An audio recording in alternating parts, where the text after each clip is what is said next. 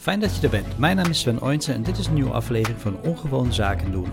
Een podcastserie die bedoeld is om ondernemers, marketeers en creatives een klein beetje inspiratie te brengen. Maar let op, dit is de plek waar zaken die mijn hoofd spelen naar voren komen.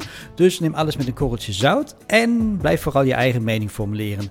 Dan kun je ook zaken blijven doen zoals jij dat graag wilt. Maar laten we meteen gaan beginnen, want ik zit echt een klein beetje te popelen. Want ja, het, het najaarseizoen is nu in volle gang. Want over volgens mij 33 dagen is het zover, dan is er Black Friday. En Black Friday is toch een bijzonder fenomeen. Het is natuurlijk overgewijd uit Amerika en steeds meer ondernemers hier in Nederland die doen er volop actief aan mee. En niet alleen maar steeds meer, het is massaal geworden. Iedereen doet eigenlijk eraan mee. Iedereen heeft een aanbieding die daar probeert een klein stukje van de markt voor zichzelf te veroveren.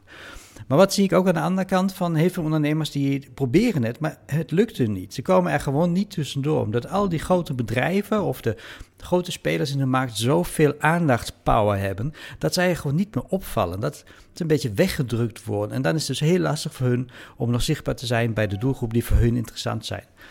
En is dat erg, vraag ik me af. Is het erg als je niet meedoet aan Black Friday? Er zijn natuurlijk bewegingen nu al gaande dat heel veel bedrijven ook zeggen: misschien is het wel de minst duurzame campagne van het hele jaar. En misschien moeten we in het teken van ja, economische recessie en uh, ook rekening houden natuurlijk met het milieu en alles wat er omheen speelt. Het een keertje niet doen, niet aan meedoen. En er zijn best wel wat bedrijven die proberen dat vooral nu naar buiten te brengen. Dat ze zeggen van ja, wij doen er gewoon dit jaar gewoon niet aan mee. We gaan die kortingen niet geven, we gaan niet het hele marketingarsenaal naar buiten brengen. Uh, we gaan het gewoon niet doen. En daardoor willen we aan de consument laten zien dat wij ja, toch wat realistischer proberen bezig te zijn. Misschien wat meer verantwoord en misschien daardoor wat meer duurzaam. En ben je zo'n ondernemer die zegt van ik wil helemaal niet meedoen aan deze gekte. Ik wil dit jaar niet inderdaad alles in de uitverkoop gooien om de aandacht te krijgen van de consument. Ja, wat kun je dan wel doen? Hoe kun je op een andere manier positief met deze dag omgaan? Om juist misschien als tegenbeweging er een hele eigen draai aan te geven. En één interessante oplossing die ik laatst keer heb gezien was een bedrijf wat gewoon die dag zijn hele personeel heeft vrijgegeven. Black Friday is echt een vrije dag. Heel grappig om, om het op die manier eigenlijk te bekijken waardoor het hele personeel kon uitrusten. En waarom zou dat interessant kunnen zijn voor deze ondernemer? Denk eens daarna wat komt na Black Friday. Na Black Friday komt uiteraard nog de laatste dagen voor Sinterklaas zelf. Nou, in Nederland best wel een belangrijke feestdag.